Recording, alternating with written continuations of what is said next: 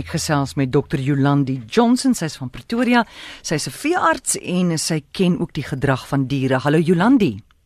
Hi, hoe gaan dit met jou? Baie goed, dankie. Welkom hier by China Tyd. Baie dankie. Ek val sommer weg met ons eerste vraag wat ek hier van 'n luisteraar gekry het. Kobus wil weet of honde daarvan hou as hulle eienaars vir hulle klere aantrek in die winter. Wel, ek dink dit is belangrik om vas te stel hoekom die eienaars van 'n honde wil klere aantrek. Is dit uit en uit 'n modegier, soos 'n fashion statement, of is dit 'n meer vir 'n funksionele doel om die hondjie dalk baie koud kry in die winter? So die meeste honde is geseën met 'n goeie pels wat hulle help om hulle liggaamstemperatuur te, te reguleer. Mm. En selfs honde met kort hare en 'n dun pels leer om aan te pas by die koue deur hulle liggaam dan meer energie verbrand en hulle hitte om dit te vervaardig. Daar is egte hondjies, veral die kleiner rassies wat gou koud kry. Ek dink byvoorbeeld aan jou bokkie hondjies en minpuns, die chihuahuas en yorkies, veral as hulle geskeer is. So as jy 'n hondjie het wat vinnig en maklik koud kry, veral tydens 'n koue front, waar die hondjie bewe 'n kombersie probeer inkruip en hitte soek, is dit wel 'n opsie vir die ouetjie jasie aan te trek. Die vraag is eerder, verdra jy hondjie die klere wat jy vir hom wil aantrek? Klere is nie of klere dra is nie regtig deel van 'n hond se normale gedrag nie. So baie honde sal kinderlik ongelukkig wees met die jasie en hulle sal dit dan probeer uittrek of afruk of afskeer. In daai geval sal ek eerder voorstel om vir die hondjie 'n snoesige bedjie met 'n warm kombersie te gee. Ehm um, maar aan die ander kant, as jy hondjie die jasie verdra en dit heel gemaklik is daarmee, hoekom nie? Maak dit seker 'n oulike jasie is en like 'n oulike eenheidswarm gelyktydig. En dat dit in die mode is, né? Ja, dit is mode. dan sê Louise, hoekom is dit so moeilik om 'n kat te leer om met 'n harnas te loop? Nou, in vergelyking met honde is die meeste katte minder sosiaal en meer op hulle eie missie en hulle het gewoonlik minder definitiewe interaksie met hulle eienaars. As gevolg daarvan verwag meeste mense ook minder van hulle katte as wat hulle van hulle honde verwag. Dit is belangrik om te onthou dat katte se sosialiseringstydperk met ander woorde die tyd wanneer hulle eintlik aan soveel as moontlik goeie goed en ervarings blootgestel moet word, tussen die ouderdom van 2 en 8 weke is. In teenstelling is honde se sosialiseringstydperk tussen 3 en 16 weke. En aggeneem met meeste klein kinders eers 'n huis kry wanneer hulle 6 of 7 weke oud is, is daar eintlik baie min tyd vir die eienaar om die katjie te sosialiseer en gewoon te maak aan goedes. Dit beteken nie dat katte nie kan leer oor die ouderdom van 8 weke nie. Dit is net makliker om aan nuwe ervarings gewoon te maak in hierdie tyd. Mense is ook geneig om katte se intelligensie of eerder hulle vermoë om te leer te onderskat dalk omdat hulle tipies meer onafhanklik en afsydig is of omdat hulle nie so maklik soos honde sal werk vir wat derfie te speel nie. Meeste mense verwag ook nie van 'n kat om met 'n harnas en 'n leiband te loop nie. Maar meeste mense het wel verwag van hulle honde. Dis meeste jong hondjies wat op 'n vroeë ouderdom blootgestel aan 'n harnas en 'n leiband en stappies. So, as jy 'n klein katjie het wat jy wil leer om met 'n harnas en 'n leiband te loop, sal ek voor jy begin sodra jy die katjie gekry het, Speel baie met jou katjie. Vind uit wat hom motiveer om te leer. Dit wil dat dit bederf is as van lekker na jou speelgoed. Maak dit dan eers gewoond aan die harnas, sonder leiband in die huis onder toesig. Speel met wat terwyl jy die harnas aan het om 'n goeie assosiasie te gee vir die harnas. Wanneer jy gemaklik is daarmee, kan jy die leiband aanklip en dan begin jy koud entjie stap eers in die huis waar dan min goed is vir die aandag kan aftrek en dan buite in die tuin maar onthou om te beloon, beloon haar as sy langs die stap by jou stap en gemaklik is op die leiwand in die harnas. Goed, Lorraine sê sy het nou onlangs 'n hond aangeneem by die DBV. Die hond se vorige eienaars het hom kos aan tafel gegee. Mm -hmm. Nou het die hond daai nare gewoonte. Wat sy nou al gedoen het, so elke keer as hulle eet is die hond daar. Sy sê sy het nou begin deur die hond jy weet buite uit te sluit uit die huis uit, maar hy blaf so erg gedurende ete dat dit in elk geval so ongemaklik is. En sy sê wat kan hulle doen?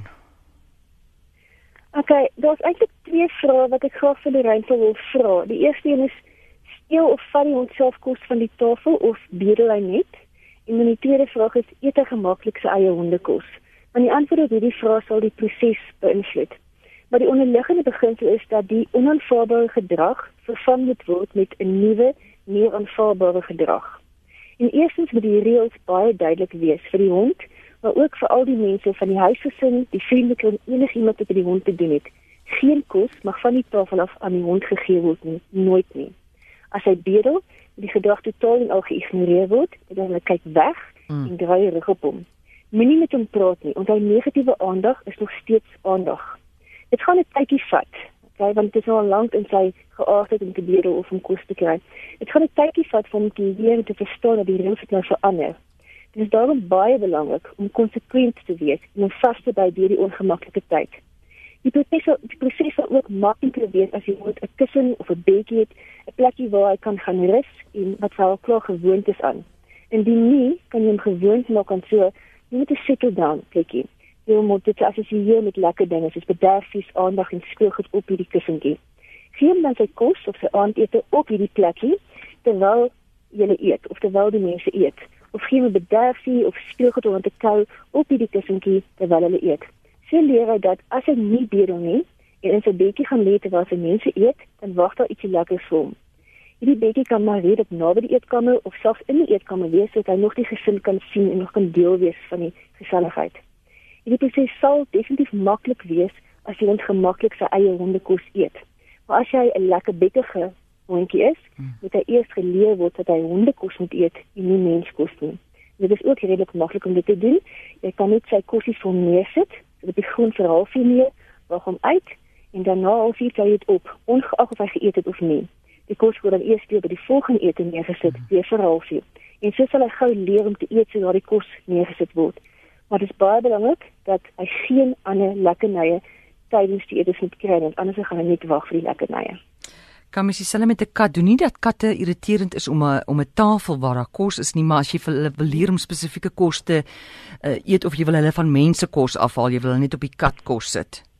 Die ding is enige dier, katte of honde, absoluut enige diere gaan gaan doen wat vir hulle werk. So as hulle bedel, mm. katte weet ek hulle klim graag in jou bord op jou skoot as jy by die tee eet dan en as hulle bedel en jy gee hulle ietsie man jy gee hulle ietsie en dalk as jy 'n tientjie weet om aksie weg te kry mm. dan is jy jy jy beloon daai gedrag so leer jy hulle so jy moet actually glad nie vir hulle aan enige mens kos gee sit hulle op die tafel waar hulle met eet gee net hulle kat kos vir hulle mm. en wanneer jy skootjie wanneer jy boodkos eet of op die tafel klim met jy eet al hulle af en dit help nie het wat met hulle nie help nie sê vir hulle nee man stop dit nou loop nou sê dit hulle verstaan nie wat jy sê en negatiewe aandag bly aandag Goed. Dan 'n brief van 'n bekommerde ouma. Sy sê haar kleindogter woon by 'n gesin. Ek neem aan dit is nie haar gesin nie waar daar reeds twee honde en 'n kat is van die huishouding. Nou het haar kleindogter 'n hond as 'n geskenk gekry, 'n teefhondjie, 9 week oue pikanees. Hy karnuffel nou die gesin se eie hond wat 'n kleiner ras is. Nou is daar mhm. groot konflik en nou word haar klein hondjie, die pekinees word nou in 'n kamer toegemaak om so die gedrag te verander en dit veroorsaak baie hartseer by haar kleindogter. Sy vra, "Hoe kan die situasie anders hanteer word?" Nou, die pekinees is nog steeds baie jonk. Onthou ek het gesê is spesiaal startdag is in 63 weke.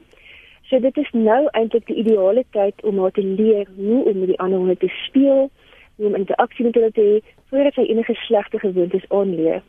En die probleem is, sy gaan net nie leer as sy in die kamer toegesluit is nie. Um sy moet actually speelvaardig word en dit kan slegs gebeur met blootstelling en oefening. Sy moet alhoewel leer wat sy interaksie met honde is aanvaarbaar en wanneer is sy te rof. Die meeste ouer honde, maak nie saak hoe die ras is, die meeste ouer honde is gewoonlik goed om die jong ouetjies stewig te maak. So ek sal vir vir die hondjies bymekaar vir kort rukkies om te speel, maar onder toesig, altyd onder toesig probeer die speletjie te stop. Ehm um, en hulle te skei terwyl alles nog goed gaan. Dit terwyl hulle nog pret het. Dan beloon jy elke hondjie in sy eie hoekie met 'n bederfie waarvan hy of sy hou en dan kan die speletjie weer voortgaan. As hulle speel en dinge raak te rof, stop onmiddellik die speletjie mm. en skei die honde vir 'n paar minute. Met ander woorde, 'n afkoeltyd. Dan kan jy later weer probeer. Ehm um, as dit moeilik is om die hondjies uh uh um te skei terwyl hulle met mekaar speel, kan jy hulle hande sien opsit terwyl hulle speel besig is, sodat hulle maklik kan optel as dinge te rof raak. Dit sou ook kan help as jy die hondjies vat om te gaan stap. Ehm um, dis aktiwiteite wat hulle doen as 'n groepie saam, waar die aandag nie so intens op mekaar is nie, maar eerder op 'n gemeenskaplike doelwit om te stap. En so sal hulle vinniger gewoond word aan mekaar. En dan laastens, dit sal beslis ook baie voordelig wees vir die pekinees om um, haar te vat vir papisosalisering. So dan kan dit blootgestel word aan 'n verskeidenheid van hondjies in 'n beheerde omgewing en leer hoe om te reageer op en te speel met verskillende honde. Goed, so sy moet juis nie nou die hond wegsteek in 'n kamer nie. Nee. nee, want sy moet nou leer. Dis Ja. wat sy nou leer, gaan sy vir die res van haar lewe onthou. So dit is nou die ideale tyd om dit te leer, maar dan moet jy ook probeer na die beste van jou vermoë om enige interaksie wat sy nou het uh, met enige honde, katte, kinders, 'n goeie interaksie wees wat vir 'n goeie gevolg um, gevolgtrekking het sodat sy dit altyd sal onthou. Want dit wat hulle nou met hulle gebeur die tydperk van 3 tot 16 weke, Mm. onthou hulle vir die res van hulle lewe. Sjoe. Jolanda, dit klink vir my na harde werk, né? Nee? Dit is dit is harde werk, maar dit is lekker. Jy jy pluk die vrugte daarvan. So ehm um, dis definitief die moeite werd. Goed, vinnige laaste vraag. Yvonne sê my kat soen my lank en innig op die wang. Hy het self daarmee begin en hou daarmee aan of ek nou lus is vir die gevryery of nie. Hoekom doen hy dit? So kry gewoonlik aandag as hulle doen. Ehm, Seker ja. Dit is die vraag, want as hulle aandag kry, ehm um, dan gaan hulle aangaan daarmee. Ehm um, en soos ek gesê het, negatiewe aandag bly nog steeds aandag. Mense is geneig om baie te praat met hulle tuteldiere. En ek dink in die proses vergeet ons dat hulle nie eintlik ons taal verstaan nie. So hoe meer interaksie jy het met die diertjie terwyl hulle iets doen, of jy nou daarvan hou of nie of van hou nie, ehm um, jy is besig om daai gedrag te beloon en dit wat jy beloon, gaan Hmm. weer gebeur. Goed. So jy moet eintlik net opstaan en wegloop as jy nie daarvan hou nie. opstaan en wegloop. Dankie vir daai een. Jolandi, dit was nou so leersaam. Baie dankie vir jou tyd. Dit is my plesier. Lekker naweek. Totsiens. Baie dankie vir jou. Dis dokter Jolandi Johnson, sy's 'n veearts en sy soek 'n diere gedragskenner.